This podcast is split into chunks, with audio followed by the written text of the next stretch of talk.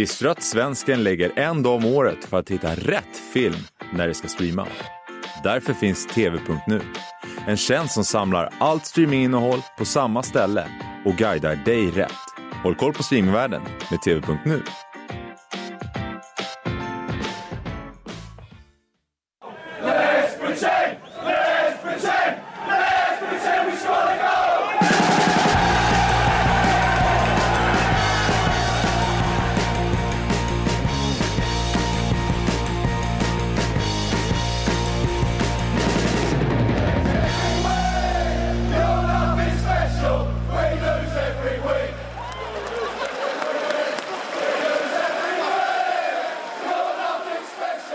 Sportbladets Premier League-podd för, eh, jag tror första gången på väldigt länge vi spelar in på en torsdag.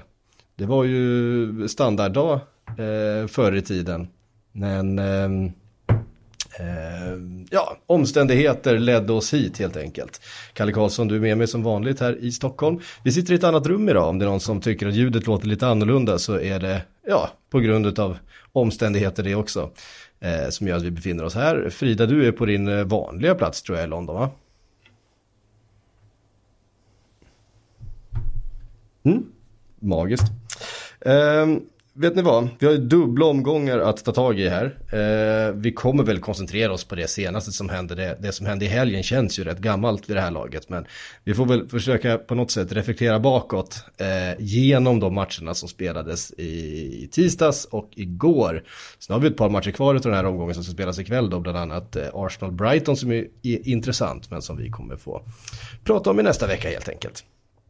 Um, jag tänkte vi skulle börja med Merseyside-derbyt som spelades igår kväll. Eh, Liverpool mot Everton. Det var ganska många som på förhand ändå kände att ja, men Everton kanske har någonting att hämta här.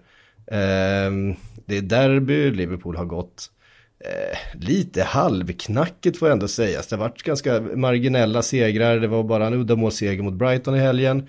Eh, Arsenal såg ändå ut och de pressade Leicester länge på bortaplan Eh, i helgen. Eh, och då väljer Jörgen Klopp att eh, slänga ut spelare som Salah, som Firmino, som Jordan Henderson. Eh, Alisson förstås avstängd efter sitt röda kort mot Brighton och in kommer Shakiri som gör eh, säsongsdebut. Lalana som väl inte startat speciellt många matcher den här säsongen. Eh, Origi som vi ju vet kan göra saker men sällan startar matcher. Eh, och lyckas ändå få matchen precis där de, dit de vill, Kalle. Det, Eh, dels på grund av att de spelar väldigt bra. De har ju en viss mané kvar då i startelvan som gör en, en otrolig match. Men också för att Everton låter dem vara bra i, i perioder. Vad säger du? Eh, ja, nej, men det har vi sammanfattat eh, ganska bra. Det var ju ett Everton som... Jag vet inte om jag gav dem så stora chanser egentligen. De eh, har ju inte Eh, haft någon vidare form den senaste tiden.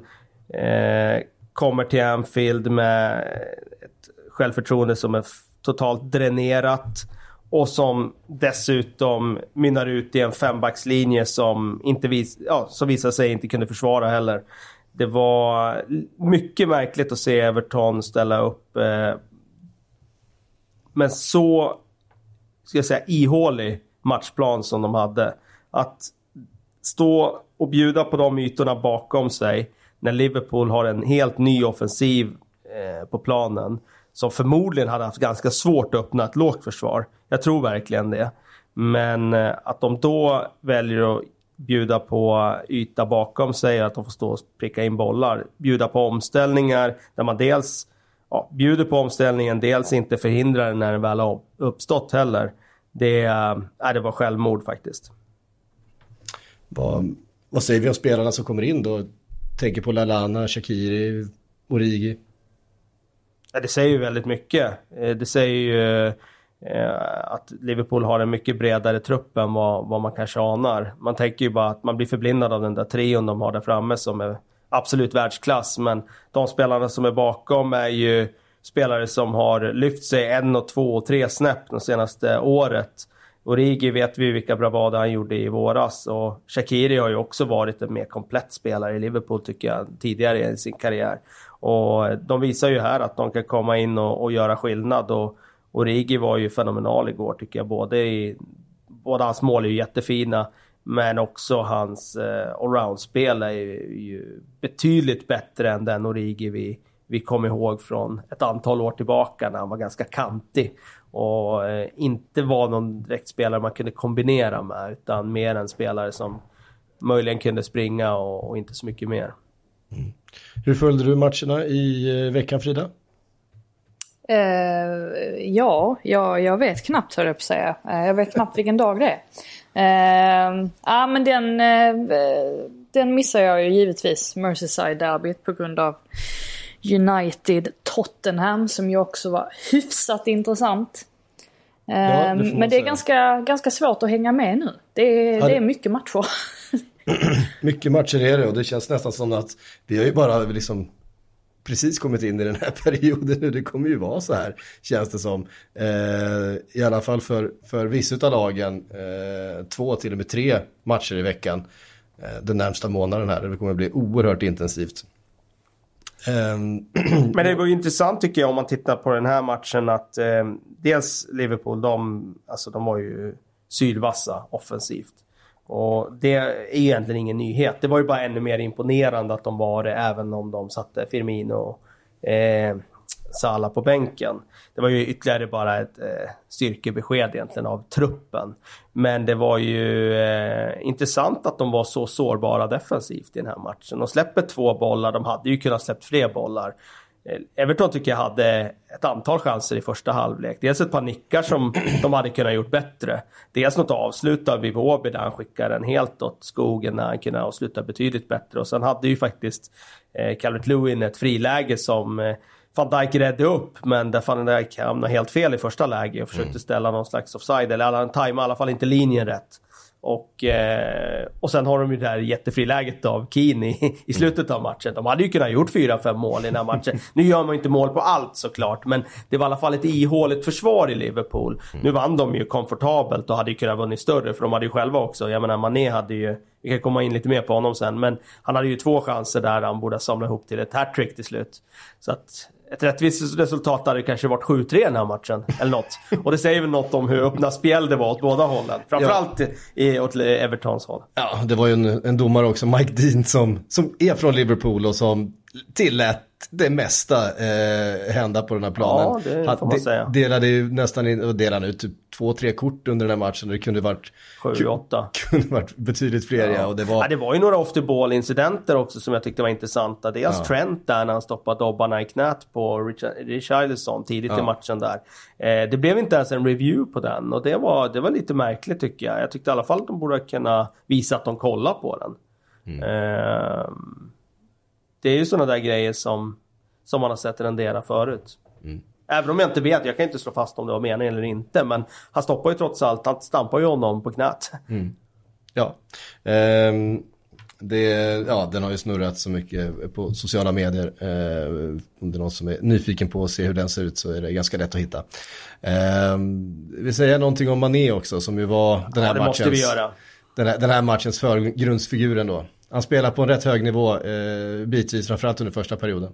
Eller första perioden. Perioden. perioden. Har du kollat på innebandy eller? Hur mycket innebandy i Skogås nu? Ja, Jobbar inte du i kiosken där i innebandyhallen i Skogås ibland? Det händer. Ja, det är därför du är inne på perioden. Nej men eh, han, är ju eh, en spelare som har tagit sig upp i, i den där kategorin där han är en av världens bästa spelare. Jag tror det har gått lite liksom förbi ändå. Visst, nu var han fyra på Ballon d'Or-omröstningen så att där slogs det ju ändå fast i sten att han är det. Men om man tittar på liksom hur, eh, hur det går till när en spelare tar det där klivet så brukar det bli ganska stora rubriker på vägen fram till att man får det där erkännandet. Om man tittar på de som har tagit det klivet tidigare som ja, men Hazard till exempel och så vidare. Mm, Salah såklart. Mm. Mané har ju inte fått det riktigt. Det var bara nu plötsligt som... Ja, nu var han fyra där och det är ju fullt rättvist. För mig var han trea på den där. Han borde ha varit på pallen. Eh, sett till kalenderåret, vilket de ska bedöma, så, så har han ju varit bättre än Ronaldo senaste eh, ja, 12 månaderna. Mm. Och eh, det säger ju någonting om hur extremt bra han är nu. Och han underströk det ju igår med insatsen eh, mot Everton. Två helt magnifika framspelningar. Det första är ju så kirurgiskt precis så att eh, det går inte att slå den passningen bättre. Och han har inte riktigt visat den dimensionen tidigare. Men han har ju lagt till sig med den nu. Mm. Den andra är ju också, det är inte så svårt att slå själva passningen med rätt timing. Men det är just att göra allting som man gör i det momentet med rätt timing. Det är imponerande. Mm. Han får den, eh, den eh, crossbollen ifrån eh, Trent och sen så gör han ju resten själv. Eh, I stort sett och, och Shakiri kommer på, på djupledslöpningen och sen så... Han tar ner den, han klackar med sig den lite, han dämpar ner den igen, han viker in från vänster och så släpper mm. han bollen i helt rätt ögonblick. Han gjorde det ju med en, själv, en självklarhet som så liksom andades att ah, men det här gör jag som om jag spelar i parken, det är inte svårare än så. Och det... Eh, det var inte enda gången i den här första halvleken som han hade den typen av aktioner utan allt han gjorde var ju perfektion. Mm. Jag har sett det själv, eh, det som då blev 4-1 då vid det tillfället. Eh, i, slutet på första också. Det är också ett, ett fint mål. Han gör väl det med vänstern också. Jag tror den, den framspelningen är med vänstern. Han är ju i stort sett tvåfotad så att det eh, Ibland väljer han ju att dra från distans med vänstern också fast han har alternativet att dra med höger. Så jag tror att han är i stort sett lika bekväm med, med båda fötterna. Det var ett häftigt mål eftersom han själv drog upp den kontringen och så löpte han 65-70 meter och, och avslutade den också. Mm. Precis. Eh, Everton på nedflyttningsplats nu. Eh, Marco Silva fortfarande kvar, men det kan ju... Det, klockorna klämtar ju verkligen för, för Marco Silva i, i Everton. Och med det spelschema som Everton kliver in i nu, de ska möta i stort sett resterande toppklubbar här i, i eh, Först hade de Leicester i förra omgången och så Liverpool nu och då har de kvar, de ska möta liksom eh, Chelsea och Manchester United eh, och så vidare, eh, Manchester City eh, de närmaste omgångarna här. Det är Eh, det är tungt för Everton just nu. Ja, det kom ju uppgifter idag om att Moshiri var på plats i Liverpool. Ja. Och det säger väl någonting om att saker är i görningen så att säga. Ja. En jätteintressant grej tycker jag är ju att eh, det som florerade igår också på Twitter där om att Evertons startelva ska ha kostat mer pengar än än, eh, en Liverpools. Liverpools. Jag vet inte om det stämmer och det är klart att man kan ju vända och vrida på det där med, med massa olika på massa olika sätt och så, så, såklart. Men eh, om det stämmer så, så är det ju anmärkningsvärt, får man ju säga. Ja. Det är inte osannolikt med Adrian i mål och eh, Shakiri kostar inte så mycket, Origi kostar inte speciellt precis. mycket. Det är, det är egentligen bara van Dijk som drar upp det rejält. Ja. Och, och de andra, och Mané kostar en liten slant men inte så att det är någon skillnad mot Evertons värvningar så. Jag tror att alla Evertons spelare där, de kostar nog rätt bra med pengar. Det är Mané-pengar på dem. Ja, det är flera stycken i alla fall. Ja, ja det, är en, det är en intressant eh, statistik i alla fall. Verkligen. Eh, du pratar om David Moyes. Ja, det känns ju jättemärkligt också. Jag menar, det är ju att man famlar efter eh, någon slags väg framåt som... Eh, man har ingenting att hålla sig i lite, riktigt, utan eh, man... man eh, okej okay, nu funkar inte det här, då går man på en annan tränare på, på den andra sidan av skalan och så tror man att det ska funka. Det finns liksom ingen vision av att man vet var man är på väg och vart man ska och så håller man sig till den filosofin och det tycker jag är jättekonstigt. Det jag menar är inte att Marco Silva ska vara kvar och leda det här laget rakt ner i Championship utan jag menar förstås att Everton måste ju veta vad man vill rent klubbmässigt. Nu har de ju värvat spelare för att spela en viss typ av fotboll. Ska Moyes komma in då och, och, och eh, leda det här laget så tror, jag tror inte det är någon långsiktigt hållbar eh, grej för Everton. Nej, Nej och, och för vem det än är så som kommer in så... Då är det bättre att ta in Big Sam på, på, på korttidskontrakt här. Rädda nej, kontraktet så kan man... Nej, nej, jag vet. Eh, så kan man rädda kontraktet och sen i sommar kan man, kan man göra någonting igen. Ja. Yes, vi, eh, vi lämnar eh, Liverpool-Everton där då. Eh, säga någonting om matcherna i helgen också där ju... Alltså Everton ändå, ändå har sett liksom bitvis okej okay ut. De gör två mål på Liverpools spelar, står upp rätt bra. Det känns ändå som de sliter och mot, mot Leicester är de ju oerhört nära att ta en poäng borta. Eh, mot oerhört formstarka Leicester. Eh, det, det, det studsar ju liksom lite stolpe ut för dem också, det, vilket ju är signifikativt för en sån här period såklart. Eh, ja, det känns eh, såklart tungt. Eh, vidare då Frida till Manchester United-Tottenham som du hade bättre koll på. Eh, Mourinhos återkomst till Old Trafford. Eh, hur, eh, hur såg det ut? Hur togs han emot? Nej men det var, eh, det slog, eller den tanken slog mig en bit in i matchen att man hade pratat så himla mycket om att det här var José Mourinhos återkomst och allting, allt fokus låg på honom hela tiden. Alltså hur han skulle agera och vad han skulle säga. Och, eh, många trodde ju att eh, Tottenham skulle vinna den här matchen och så skulle han då göra någonting Mourinhiskt eh, efteråt. Eh, så man hade nästan glömt bort att Manchester United faktiskt alltid, eh, eller alltid, men deras bästa insatser den här säsongen har ju kommit mot klubbar som ligger ovanför dem i tabellen. Eh, alltså klubbar som inte backar hem eh, och låter United föra matchen. Eh, och mycket riktigt så gör ju Manchester United en av sina absolut bästa insatser. Eh, egentligen under hela kalenderåret förmodligen. Eh, det var, eh, de tog liksom kommandot från start och särskilt där första 30 minuterna är de ju fullständigt överlägsna. Och, eh, visst, alltså det är väl klart att Gazzaniga ska ha, eller att han kanske ska göra det bättre på Rashfords avslut. Men samtidigt så, eh, det är lite signifikativt också för, för Rashfords del att han Eh, alltså han har ju sånt eh, fruktansvärt bra tillslag så att eh, jag vet inte, även om Gazzaniga skulle gjort det bättre så tycker jag ändå det, det är bra gjort av, av Rashford också. Han var ju verkligen matchens gigant på så många sätt. Eh, Dele Alli var i princip helt, om man skulle se den matchen i matchen mellan Dele Alli och Rashford, för man kan, även om de inte spelar på samma position och de möts inte speciellt ofta ute på planen heller, så är de ju trots allt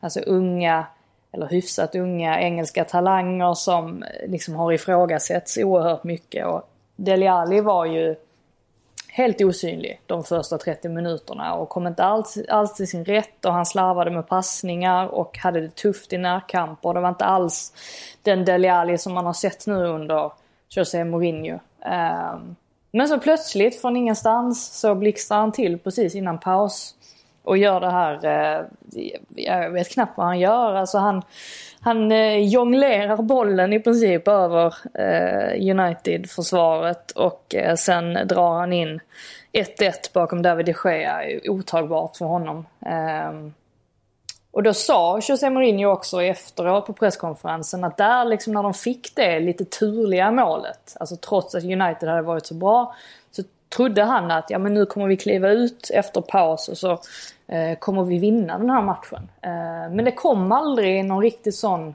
reaktion. Istället så fortsatte bara United jobba på. De pressade väldigt hårt och aggressivt. Alltså varenda gång eh, Davinson Sanchez, eh, när han fick bollen av Gazzaniga, eh, så, så, direkt liksom så var både Greenwood och Rashford på och, och pressade. Och, eh, nej, de, de, hade det, de hade det tufft. De såg slutkörda, trötta ut, eh, Tottenham.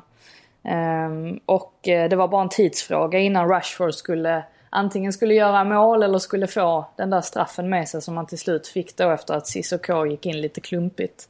Eh, så helt, helt välförtjänt seger. Eh, men det är märkligt också vad, vad snabbt det kan hur snabbt det kan gå.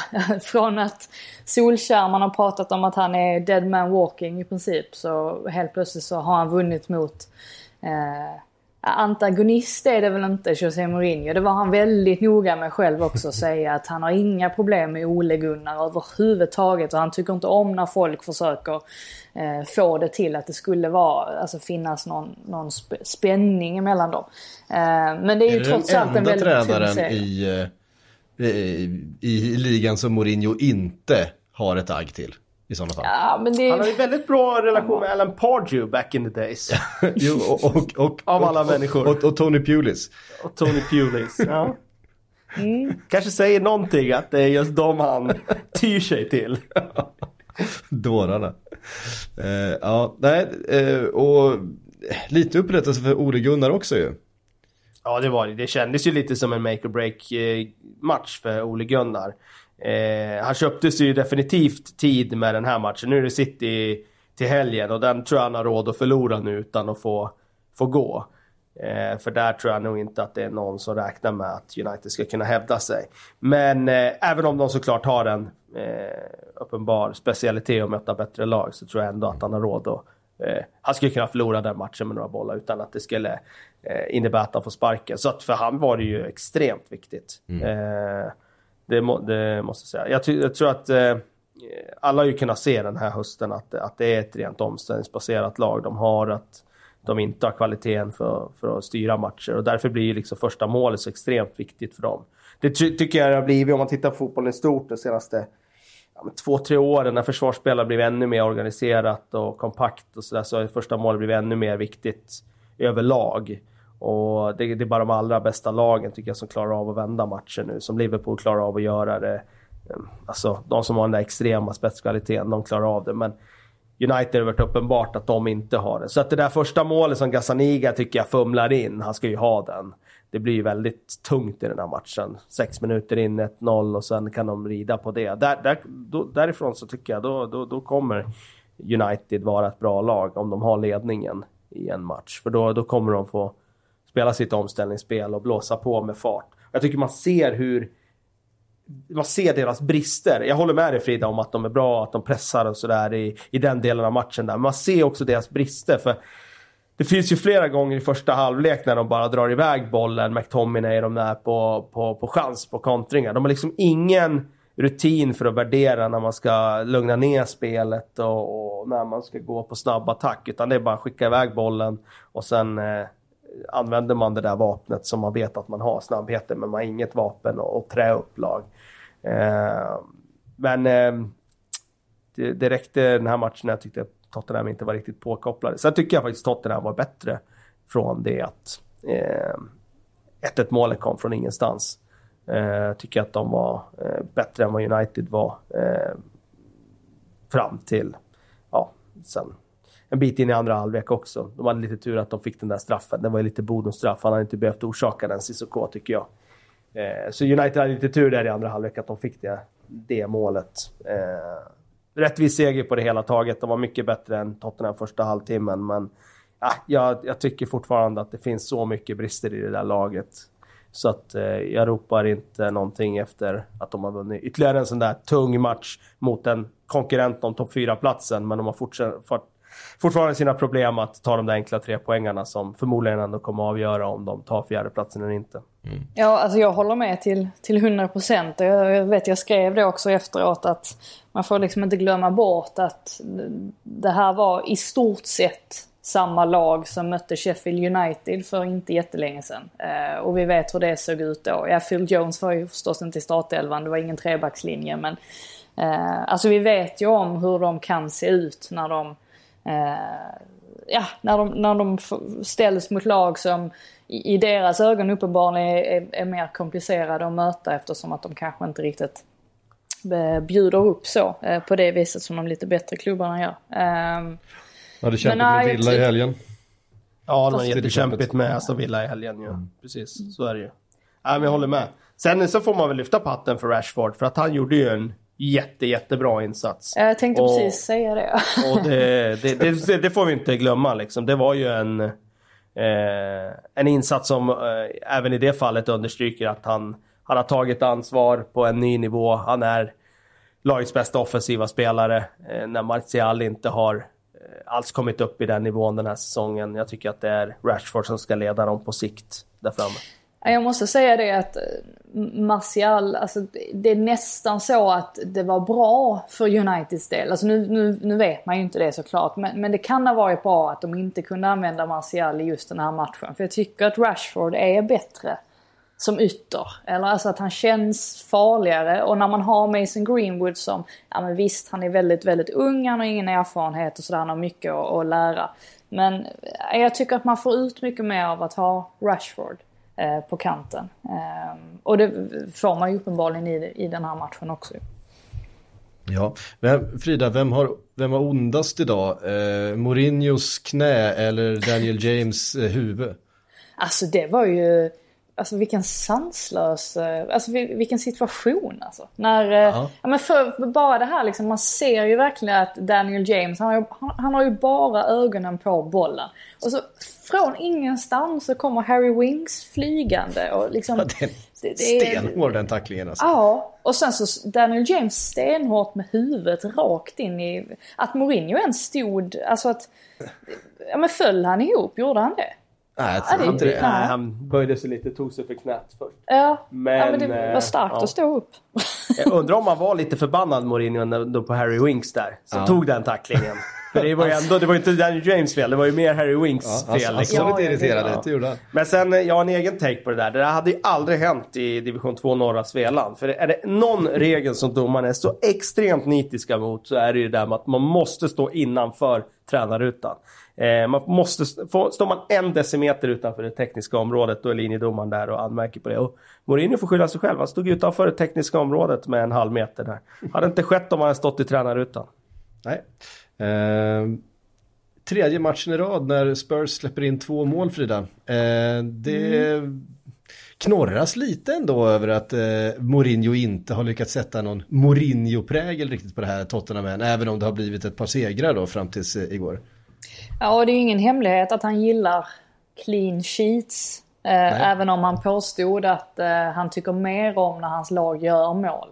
Eh, och det är, det är väl ganska, det är ganska logiskt kanske att, att man ändå föredrar när, när ens lag gör mål. Men absolut. Och jag tror att den mest utskällda spelaren under hans, vad, vad blir det, fyra första matcher här. Det måste vara Davinson Sanchez. Um, för jösses var han eh, liksom ständigt gestikulerar till honom och, och skriker eh, på honom och Davinson skriker tillbaka. Eh, och igår var det ju, eh, alltså det, det, var ju, det var ju ren hönsgård eh, stundtals. Alltså eh, Aldo Alderweireld blev ju tokig på Aurier när han inte eh, liksom klev upp eh, eller klev på liksom utan lät eh, både Rashford och Greenwood och Lingard för den delen avsluta. Så att eh, nej, han har definitivt en del att jobba på där. Det får man säga. Alltså jag tycker det där är super, super, super intressant det som sker just nu i Tottenham och med Mourinho och så vidare. För att eh, han har ju faktiskt eh, gått emot sin egentliga filosofi nu när han har tagit Tottenham. Eh, jag skulle kunna prata länge om just det här ämnet men han har ju alltid byggt sina lag bakifrån. Han får säga precis vad han vill. Jag vet att han fick den där frågan när han satt i Sky Sports av, av uh, antingen var det Carragher eller så var det Neville som frågade. När du tar över ett lag, börjar du med defensiv eller börjar med offensiv? Och han sa, jag börjar med liksom allting hänger ihop. Han får säga vad han vill. Nej, inte en chans. När han tar ett lag så bygger han dem bakifrån. Det har han ju inte gjort nu med Tottenham. Nu spelar ju de faktiskt en sån här offensiv uppspelsformation som många lag använder nu, men liksom 2, 3, 5 typ. Eller många använder det, eller så spelar man 3, 2, 5.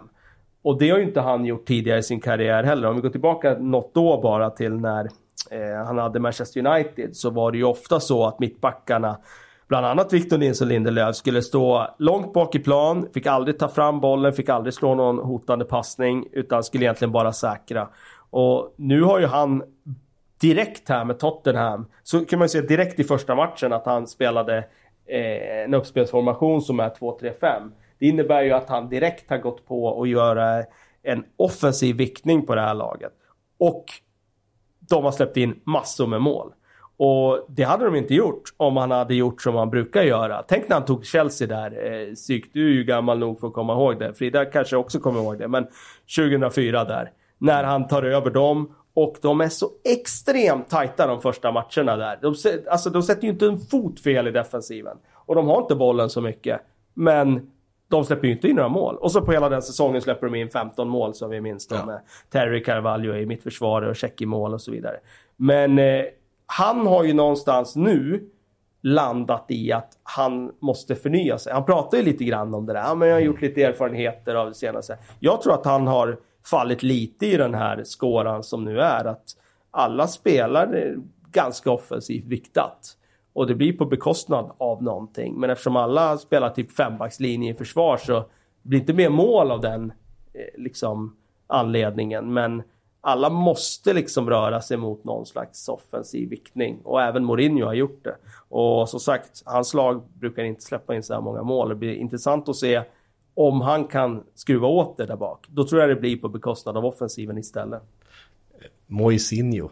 Ja, precis. Exakt. Vi, vi, vi får se var det landar. Men det är... Led inte han av samma sak efter att Oerhört byggt, intressant tycker jag. Byggt liksom en väldigt ramstarka Everton under så många år med, med väldigt tydlighet. Inte så taktiskt avancerat egentligen. Mycket, mycket fysik och eh, starka kantspelare kommer till, till eh, United och tappar lite eh, sin filosofi och hittar den aldrig riktigt igen och börjar laborera och börjar experimentera med sin eh, fotbollsfilosofi. Men det jag tycker är intressant är just det där att Mourinho är ju erkänd som en extremt skicklig defensiv coach. Mm. Och alltid varit. Men nu har han börjat vikta sitt lag lite mer offensivt. Då har han tappat försvarsspelet.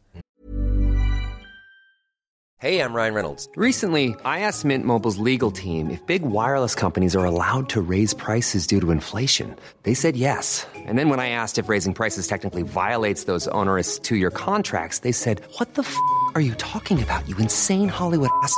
So to recap, we're cutting the price of Mint Unlimited from $30 a month to just $15 a month. Give it a try at mintmobile.com slash switch. $45 up front for three months plus taxes and fees. Promoting for new customers for limited time. Unlimited more than 40 gigabytes per month. Slows. Full terms at mintmobile.com.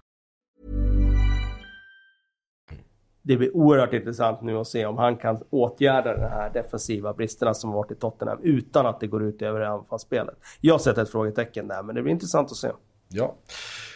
I... Eh Eh, på Stafford Bridge spelade två av eh, ligans mest intressanta då, unga nummer 10 i liksom en slags duell. Det har ju varit en diskussion länge om det. är Mason Mount eller Jack Grealish som ska vara eh, liksom stjärnskottet in i Southgates landslag här som den eh, playmaken bakom anfallarna.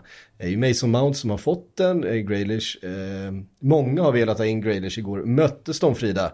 Ehm, vem, vem, och, ja, vem vann? Det var ju Chelsea som vann och Mason Mount gjorde det avgörande målet. Man väl säga att eh, det är Mason Mount som har gått eh, eh, vinnande ur den i alla fall striden för tillfället.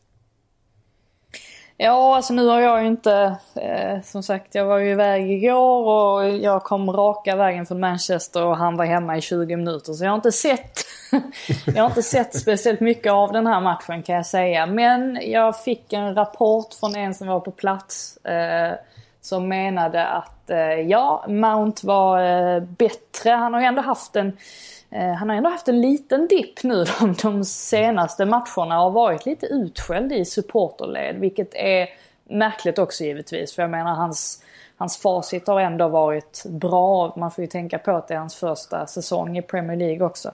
Men eh, Graylish eh, var tydligen inblandad i, i allt som, som Aston Villa eh, i princip eh, hade. Och det är väl lite signifikativt eh, för Aston Villa och att de inte har speciellt många spelare som kan göra skillnad. Men han är ju definitivt en, en av dem ju. Ja, han är ju, han, han är ju på något sätt Aston Villas anfallsspel.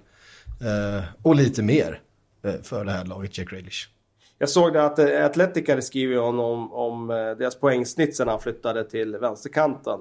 Eh, eller fick utgångsposition i alla fall till vänster. Han kliver ju inåt i banan ganska rejält. Men eh, det var noll poäng med han som... Eh, eller utan honom överhuvudtaget i laget. Och så var det 0,22 poäng per match med han som mittfältare centralt. Och så var det 1,57 poäng per match med han till vänster. Eh, inte så många matcher det var byggt på, men det var ändå ganska stor skillnad. De har ju uppenbarligen hittat någonting nu och bygga vidare på. Eh, sen fick väl Mount ändå sista ordet där när han ja, vispade upp den i nättaket där. Verkligen en fantastisk volley. Eh, fin teknik på det, på det skottet. Sen var Abraham tillbaka också. Det var ju, alltså, jag trodde han skulle vara borta längre. Det var eh, känslan jag fick när han blev skadad där. Ja. Eh, de har bra, De har bra, eh, bra läkare nu för tiden. Stark medicin. Um, och Tammy Abraham tillbaks i, det var ju liksom också lite sådär för, för Chelsea, viktigt att studsa tillbaks då efter att ha förlorat mot West Ham i helgen. 0-1, lite överraskande. Eh, mot formsvaga West Ham verkligen eh, med en starkt ifrågasatt tränare även där ju. Eh, så viktigt för Chelsea att eh, studsa tillbaks i det här läget. Ja, men de har ju inte, grejen är att de har ju inte speciellt bred trupp och när de tvingades då byta några spelare i, i, i helgen mot West Ham. Alltså att exempelvis Giroud eh, gick in istället för, för Abraham då som var skadad. Ehm, alltså genast blir det så mycket sämre, alltså drastiskt mycket sämre. Och det är, alltså Chelsea får ju sitta och hoppas på att de kommer få eh, göra några värvningar alltså i januari och, och liksom, eller i alla fall hålla ut fram till sommaren så att de kan få in några nya spelare. För att det, det, det behövs verkligen om, om de ska liksom ta det här nästa klivet. Eh, för nu, nu händer det ju ibland att de ser väldigt trötta ut och så blir det ju med många matcher och sen så spelar man samma spelare i, i, nästan alla matcher. Och väldigt tydligt såklart för ett så här ungt lag att eh, det är juniorspelare, att det kommer gå lite upp och gå lite ner under, under en säsong och se, eh, man ser potentialen och man ser högsta nivån eh, i vissa matcher och så såklart att för spelare som inte är äldre än vad Tammy Abraham eller Hudson Odoi eller Mason Mount eh, är så finns det fortfarande en lägsta nivå kvar i, i spelet och kanske en, en ork också. Man måste komma ihåg det här att eh, det tar några år att bygga upp en kropp som orkar en hel Premier League-säsong och som orkar 90 minuter eh, två gånger i veckan. Det, eh, det kräver en hel del, en hel del träning eh, för att komma upp på de eh, nivåerna. Eh, men viktiga poäng för Chelsea, även såklart då viktiga poäng för Leicester som befäster sin andra plats efter 2-0 eh, mot Watford. Eh, hopplösa Watford, det är ju tvärsist i ligan. får ingen ordning på det, har ju sparkat eh, Chiche. Kike Sanchez Han hann knappt packa upp väskorna innan det var dags att dra igen. Men det, för, det, ehm. kommer ju för alltid. Alltså det, det var ju länge sedan en, en tränarrekrytering var så obegriplig som när de tog in honom. Alltså det, jag, jag, jag förstår än idag inte varför, varför de gjorde det. Han var väl ganska populär där, det var väl det. Att han hade mycket kompisar kvar i... Ja, det var det som sades i alla fall. Han hade mycket kompisar kvar i styrelserummet. Det brukar ja. väga ganska tungt. Ja. Eh, så, nej, jag håller med dig. Det, det, var, jag tyckte inte de skulle sparka Xavi Gracia. Eh, även om det var en väldigt tung inledning i, i eh, ligan så tror jag att han hade kunnat vända på skeppet ändå. Han gjorde en oerhört stark säsong i fjol. Och jag tror att han hade haft eh, den förmågan att vara lite pragmatisk och hitta ett sätt att vinna matcher till slut. Mm. Så jag tycker han har fått mer tid och ja, jag vet inte vad det blir av dem nu. Det känns ju som att det är fritt fall där just nu. Mm. Mm. Vad, har vi, vad har vi på Hayden Mullins? Ingenting. Ingenting. Vi vet inte jättemycket om Hayden Mullins, men han är interim där nu i alla fall. Eh, gått från, alltså, tillsammans med den andra assisterande eh, tränaren. Va? Det säger ju någonting om hur desperat man är. Det kommer ju komma någon från Pozzo-nätverket in där antar jag. Ja. Mm. Kommer väl någon italienare? Eller? De, sätter en, de sätter en italiensk prägel på eh, Premier League genom ja. att ha oerhört kort tålamod med, eh, med tränare när resultaten går emot. Eh, så är det. De står på åtta poäng va? Ja, Watford efter... Becksvart i alla fall. Efter 15 omgångar. Det är inte bra. Nej, det var ju rykten här. Det var någon som skrev till mig. Titta, jag har inte sett ryktet själv, men det var någon rykte om Kike Setien. Eh, gamla Real Betis-tränaren. Det hade ju varit helt sjukt om han hade kommit och tagit över Watford. Men vad hade Troy Deeney gjort då liksom? Han hade, hade bara lämnat in handduken. Eh, ställa, knyta ihop dojorna och, och avsluta karriären. Liksom. Jag tror inte han hade passat under en tiki-taka-tränare från Spanien. Liksom. Nej, eh, och det... Vet inte ifall det är så gångbart om man ligger sist i Premier League. Alltså. Verkligen inte. Jag är ju en stor anhängare av sett igen, men eh, jag tror inte på att det skulle vara någon match in heaven. Nej. Eh, de ska ju grävas upp ur ett hål och då behöver man ju verkligen en spelare som Troy Deeney som, som bara ska in och göra livet, livet hemskt för alla försvarare som man möter. Och sen hoppas på att det ska trilla ner några poäng i... i... Det är intressant att se vad Pozzo-familjen gör. För jag menar, hämta en tränare från Italien i det läget de är nu. Det är ju inte en tränare som vet hur man gräver fram poäng och räddar ett kontrakt. Utan om man ska vara ärlig så det, så sättet att rädda ett kontrakt nu för dem det är ju faktiskt att gå på någon av dem som är bra på att rädda kontrakt. Mm. Och då är vi på de där namnen som brukar snurra runt. Ja, Eh, det är, Eller Roy. Eller Roy. Han är Eh, het nu. Han kan sätta ett försvar. Han är glödhet nu Roy. Ja. Eh, Palace med eh, sex poäng nu då de senaste två matcherna.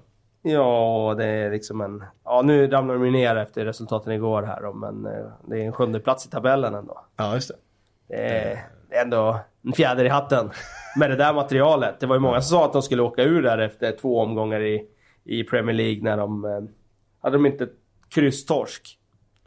Eh, Jag tror de inledde med det. De inledde med kryss hemma mot Everton, så torsk i andra omgången borta mot Sheffield United. Vilket inte är så eh, jättestor katastrof idag om man tittar på hur bra Sheffield United var på hemmaplan. Men där och då var det några som antydde att de skulle få tufft i år, eh, Palace. Men sjunde plats nu, det är, får man säga, en av de bättre tränarprestationerna den här säsongen. ja.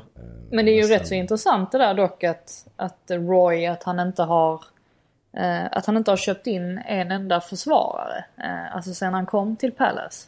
Och ändå så har han liksom fått ordning på det så, så pass bra. Den biten kan han, om man säger så. Försvarsbiten. Alltså verkligen. Alltså tittar man på det där laget, det visste att Wilfried Zaha är en, eh, en eh, väldigt, väldigt duktig fotbollsspelare som erbjuder någonting mer än vad ja, de flesta andra lagen utanför topp 6 har, har att erbjuda. När det handlar om Flair, kanske inte slutprodukt alla gånger, Nej, men Flair men- i alla fall. Men, men han, har Och i alla, en, en mot en. han har i alla fall någonting liksom. Men titta på det övriga laget. Det är ju, Ja, det är ett gäng fotbollsarbetare. det är ju inget sexigt Nej, mittfält. det är det inte. Det är det verkligen inte. Det är, nej, men det är ju ett Burnley i övrigt liksom. Ja. Han har. Eh, och eh, ja, men man ska få dem att ställa fötterna på rätt ställen. Det är väl det det handlar om när det, man inte har eh, eh, de där mer extrema bollkvaliteterna i laget. Eh, men ja, det är, det är imponerande utav Roy. 70, är han 74? 73, 74? Vi gissar på 72, men eh, vi kan kolla upp snabbt här. Gissar åldrar. Eh, brukar vi inte vara i de där trakterna? 72 år är han. 72, ja det är ju är det ganska mycket. Hur gammal var, var eh, Sir Alex när han la av?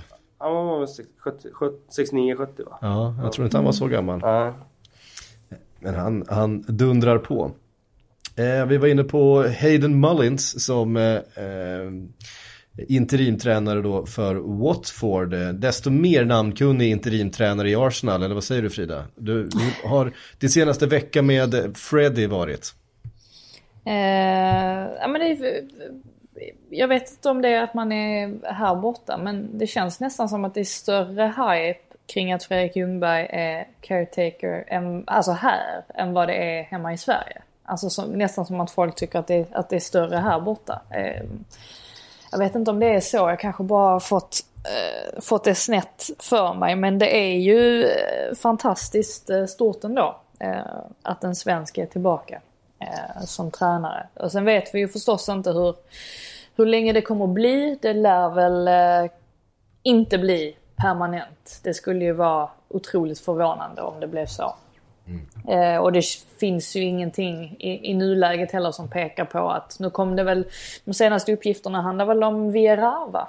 Att han skulle vara eh, aktuell. Ehm, så att ehm, det verkar ju som att de, eh, de är på jakt. Men jag var ju på um, Ljungans, eh, jag försöker ju lansera det namnet här, Ljungan. Det- Alltså de måste ju lära, lära sig att LJ uttalas J. Men det där är ju, det är en diskussion från 2005 som... Ja, nej men jag tycker ändå jag har spridit det ganska bra nu. Jag gör mitt bästa. Eh, Det är mitt, eh, mitt motto i livet att sprida rätt eh, uttal på Ljungberg. Nej, men han, eh, han gjorde ju sin första, första presskonferens här i, eh, i måndags, alltså innan hans första pre-match pressconference. Eh, Förutom att han var en halvtimme sen så, så gjorde han ett väldigt gott intryck tror jag. Eh, Noterade ett, noterade ett mindre skånskt inslag i den presskonferensen också.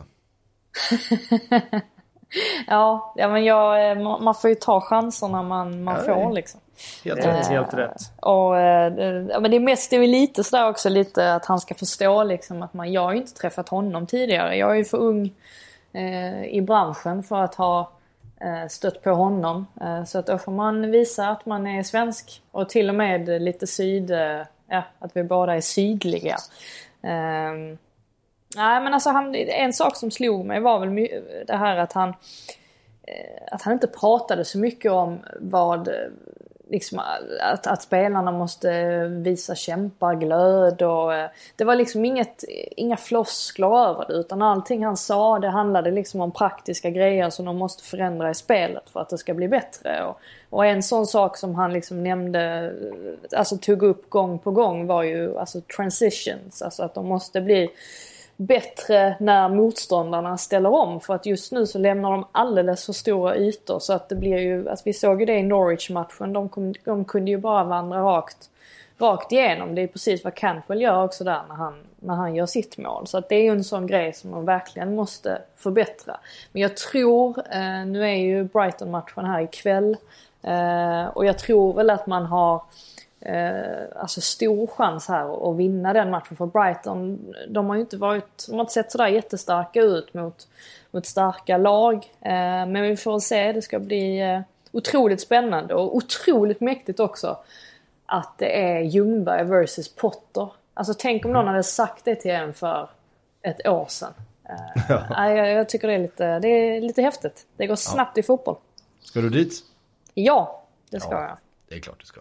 Han fick ju ett riktigt cheap shot där i form av Paul Scholes liksom hugg i ryggen där om att han inte hade kostym på sig där på, Vad var det, på liksom? matchen. Nej, jag vet inte. Jag är oerhört besviken på Paul Scholes. Min Ja, faktiskt. för detta barndomsidol som, eh, som liksom har blivit någon slags... Eh, han var ju Greta Garbo när han spelade. Gav inga intervjuer, snackade ingenting. Alla tyckte han var skitcool. Jag kommer ihåg när... Han gjorde rätt i det, när kan jag tycka. David Beckham berättade när han kom ner till Real Madrid. Liksom, alla spelare där i Real Madrid, liksom, alla Figo, Zidane, alla frågade liksom... Fan, hur är, hur är Scholes liksom? Så alla var så jäkla nyfikna på honom för att han aldrig pratade, aldrig syntes och var så otroligt bra. Men nu har han ju blivit någon slags karikatyr. Alltså vad håller han på med? Han tycker hit och dit och det ena åsikten är ju värre än den andra. Eh, och sen hoppar han på tränarjobb i Oldham och så, så är han där i, vad var han i? Ja, Två veckor. Två dagar, liksom, två dygn, ja, liksom något sånt. Och sen kliver han av det och sen, nej jag vet inte. Eh, han hade ju varit mycket coolare om han hade hållit sig ifrån eh, det här svingandet som han håller på med nu. Och sen Jag fanns, måste- ingen, det fanns ju ingen bäring heller i, i det han sa. Han, så vadå kostym? Varför säger han inte det om Marcelo, Marcelo Bielsa då i så fall? Han Eller kunde ha gjort det. Eller, eller Klopp annan. eller vem, vem som helst annars. Liksom. Halva- halva- halva liksom bara, ja, Jättekonstigt var det. Men jag tyckte alltså Ljungberg han hanterade det otroligt bra. För först så skojar han ju till det när han får frågan och så säger han liksom ah men kostymen var på kemtvätt och så skrattar alla lite. Men sen markerar han ändå eh, alltså ganska så här liksom bestämt att vad, vad är det där att prata om? Alltså vad är det där att diskutera? Alltså fo- folk har eh, tröjor, folk har eh, kostym, folk har eh, eh träningsoveraller. Det, det, vad, va, vad, är liksom, vad är frågan? och det, det tyckte jag ändå var bra. Alltså han höll sig... Eh, det var bra, liksom, bra balanserat av honom där. Ehm, för att det är ju såklart en otroligt löjlig grej att, att anmärka på. Kanske är för att han är Arsenal-ikon. Eh, I don't know. De spelade väl mot varandra en gång i tiden. Det Kanske har finns de ju något- gjort ett antal gånger. Det är klart. Kanske i finns en- en- gammal beef där. I en, I en period då Arsenal och Manchester En United var, var värsta fiender ju. Eh, då var de där båda två. Eh, stångades på mitten. Precis. Eh, Ljungberg alltid med en oerhörd närhet till gräset. Det var som att han, han sprang, han, han halvlåg liksom ner. Så är det Och Scholes också, för han tacklar ju åt höger och vänster. Så han hade också en närhet till gräset. Eh, ja, nej, det var, det var en märklig attack. Däremot så eh, blir det ju intressant där att se. Det spelar ju inte så stor roll sådär som tränare. Det är det som är det nyckfulla med yrket. Det där att man gör sig bra på presskonferenser. Eh, det läggs Ian Holloway. Till slut handlar det bara om man vinner matcher eller inte. Och jag... Jag hoppas verkligen det går bra här nu för Arsenal, för annars kommer det gå fort den där processen. Ja, eh, verkligen. Vi får säga någonting om Norwich-matchen då också från i, i söndags. Ja, jag har inte sett den. Då var jag nere i Spanien och kollade på tredje ligan i, i Segunda B. Just det. Eh, hade du trevligt? Ja, det var trevligt. Jag gillar Kalle din, din caption på din bild. Vad var det du skrev? Det finns, finns få bättre grejer. Än att sitta Ja, just det. på- Ja, det, det, men det, var- står jag faktiskt för. Det var, caption. Ja, men jag, jag förstår det. Ja, jag, jag kan ärligt säga att se Barça B i tredje ligan i Spanien, det var, det var verkligen en eh, grej som jag eh, kan rekommendera. Det var, det var, det var lite mer så här också, lite mer känsla där på den matchen eh, än vad det är på de här turistattraktionerna. Din, din passion för fotbollen lyste igenom. Så kan man Ja, det kanske säga var så. i Jag den vet, det var inget jag tänkte på, men eh, det var, jag kan rekommendera tredje ligan i Spanien. Ja, eh, ta med oss det. Annars var det fullt kaos där det är Norwich Frida. Ja, jo, det, det, var ju, det var ju det. Jag tycker faktiskt att eh, Arsenal startar ju matchen väldigt, väldigt bra. Alltså väldigt lovande. Men sen så är det ju, vi nämnde ju det med omställningar och det är ju nästan som att man, alltså det är de som släpper in Norwich i matchen egentligen. Eh, på något sätt. Och eh, det är ju faktiskt lite överraskande att eh, bryter den där långa måltorkan. Gud, nu är han på gång igen. Nu har han gjort mål två matcher i rad. nu kommer ser det. Han är riktig ketchup-spelare. Ja, nu när jag har tagit ur, ut honom ur mitt fantasy så eh, kommer han igång igen. Men...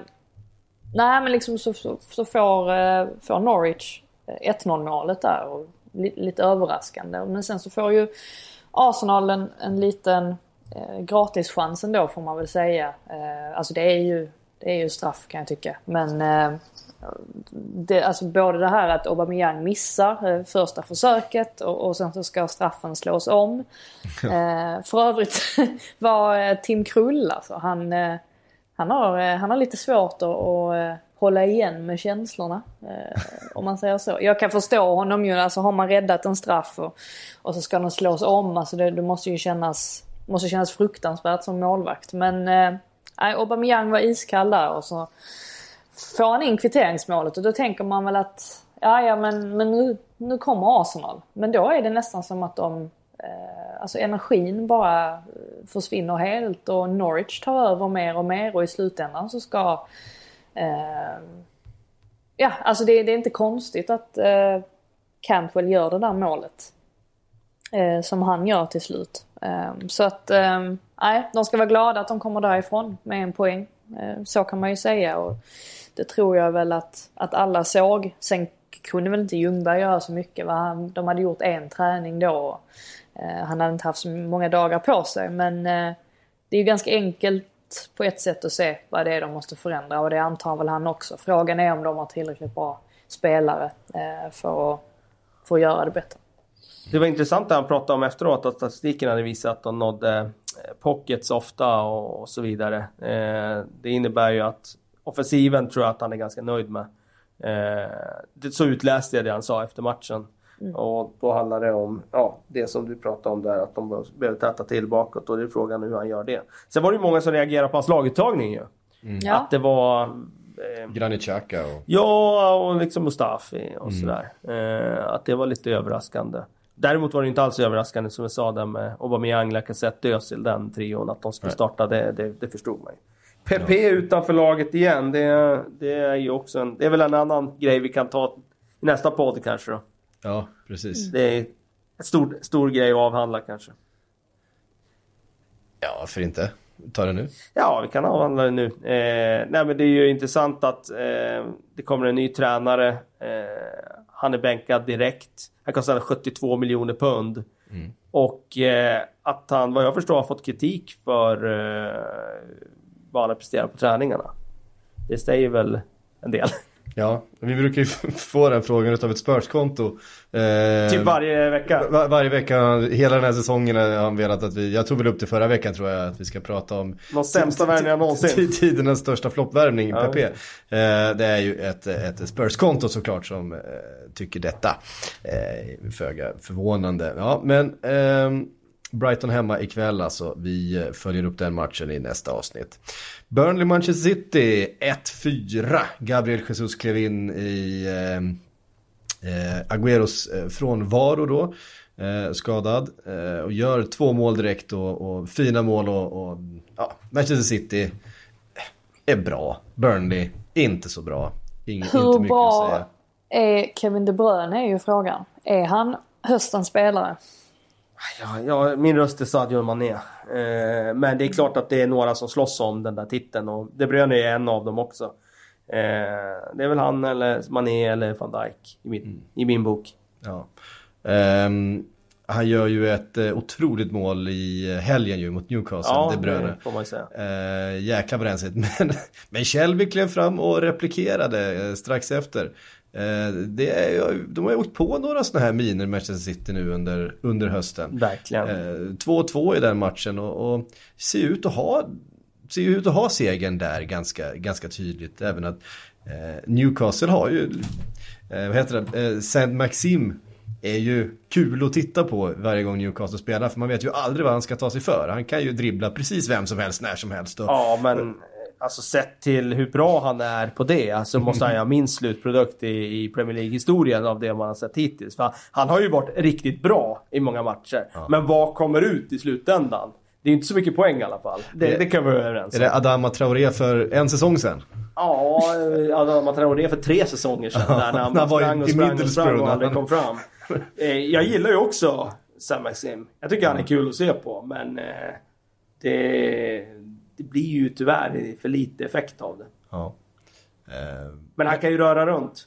Ja, han gör ju det. Och Almeron också. Ja. Almeron kan ju heller inte producera poäng. Nu hade väl en assist, tror jag, men det är ju eh, förtvivlat svårt för just anfallet att göra mål i, i, Newcastle. Det är mittfältet och backlinjen som står för alla målen.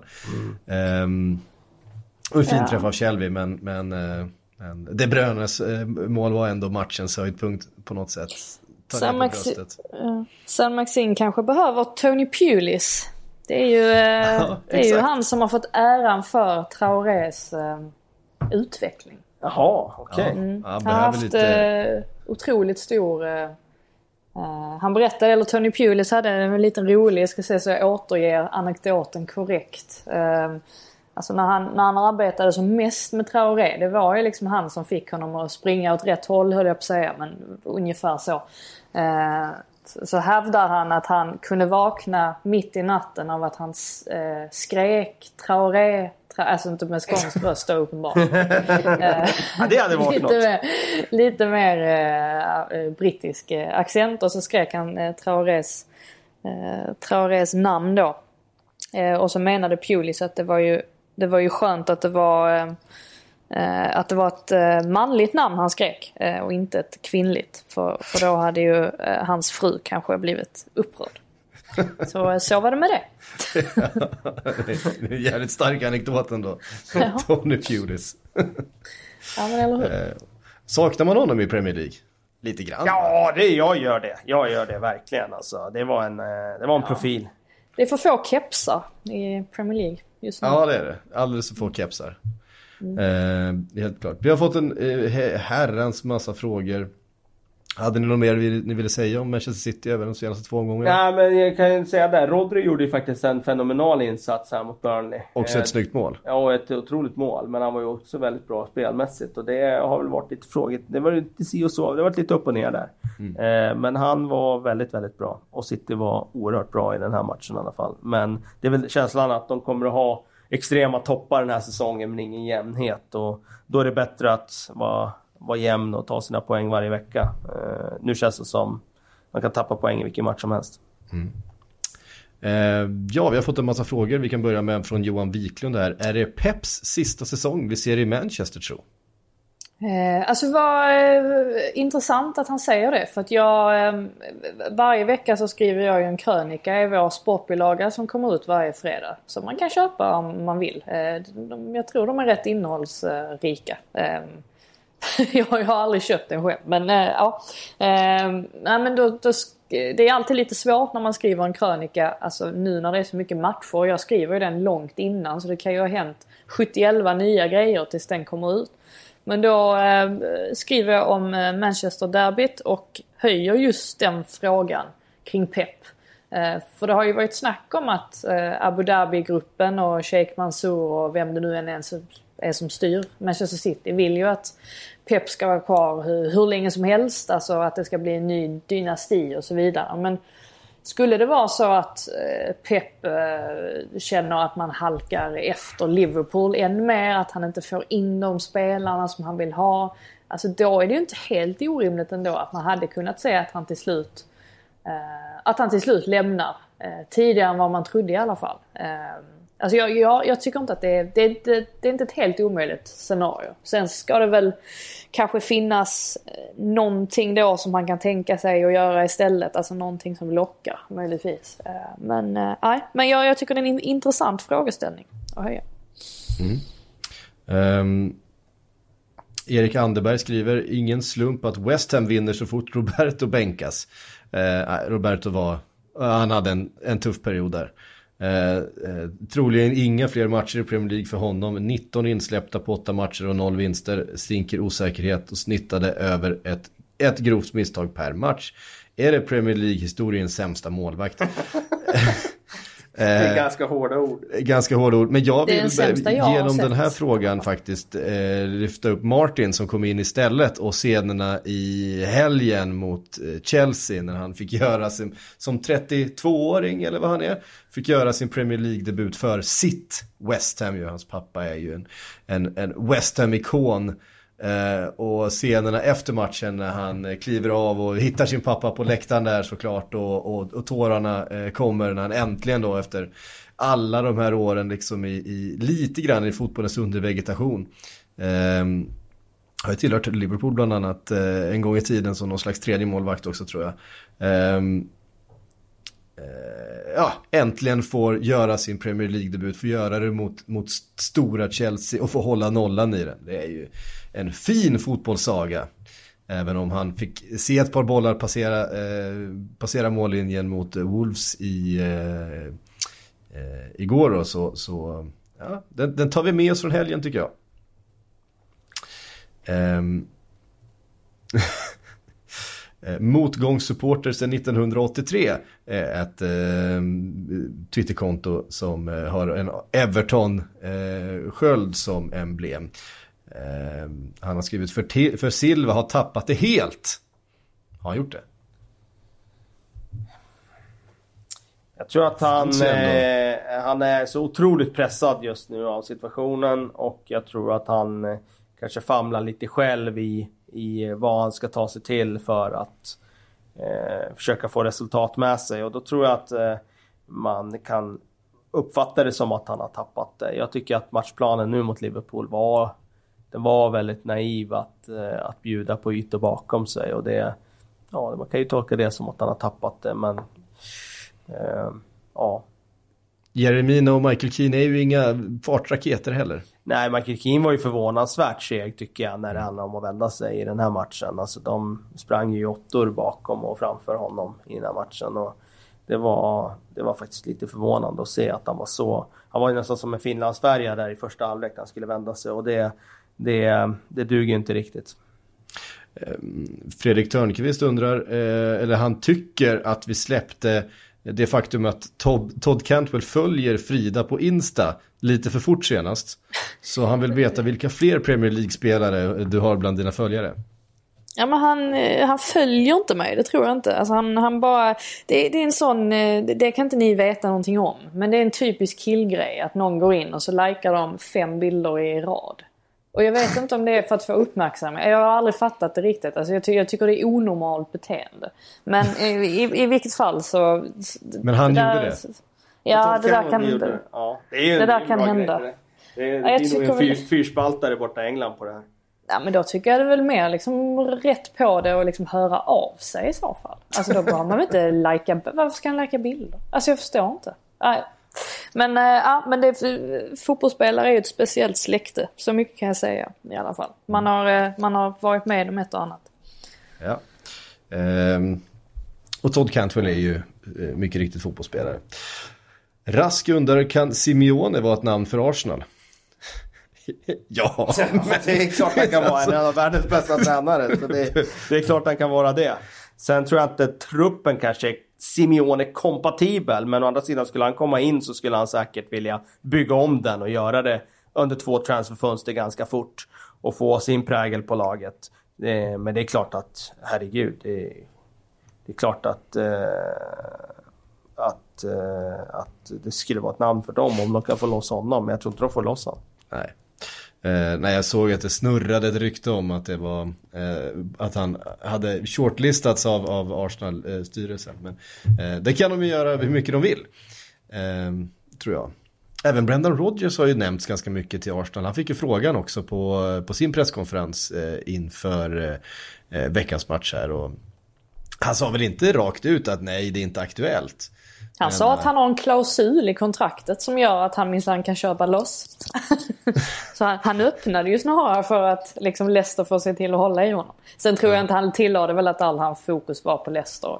Det vore väl eh, lite, lite märklig timing om han skulle byta klubb just nu när det går Ja. så bra. Det, det kan man ju verkligen tycka. Um, Jimmy Stråle undrar, Pellegrino eller Silva, vem får gå först? Silva definitivt. Tror jag. Eller jag vet inte. Pellegrino har väl ändå eh, lite mandat kvar. Den där segern Jag mot tror Chelsea det. tror jag satt på rätt ställe. Ja, men jag tror också det faktiskt. Ehm, sen har ju West Ham haft, eh, ja men dels alltså målvaktsbekymret har nog jäckat dem extremt mycket. Mycket mer än vad man har trott. Ehm, så att, nej, jag tror att uh, Pellegrini, han får nog någon, några chanser till. Eh, LI undrar, eh, tyder senaste matchen mot Everton eh, på att Klopp kommer försöka byta mer till en 4-2-3-1 i framtiden som han brukade ha i Dortmund. Om jag minns rätt så körde han också så i början av förra säsongen när Liverpool knappt förlorade en match då heller. Eh, och det stämmer ju, Liverpool spelade ju 4-2-3-1 eh, under ganska lång period under förra hösten. Gjorde han inte det i början? Ja, han började ju med julgran vet jag att det var första matchen i Liverpool. Den allra första. Allra första matchen. Allra, allra första matchen, mot ja. Tottenham. Men sen var det inte en del 4-2-3-1 när Coutinho var, fanns där? Eh, det är möjligt att det var. Eh, jo, det var det nog. Men, men eh, sen så hittade han en 4-3-3 då säsongen det därefter. känns som lite Liverpool way just nu. Jag är inte säker på att det blir en övergång till 4-2-3-1. Nej, eh, jag har en liten teori om att Kanté, eller vad säger Kanté? Ehm, Oj, freudiansk felsägning. ja, verkligen. Eh, eh, tappar jag namnet här. Ehm, Men han som du tappar namnet på, han vore en bra, ett bra tillskott.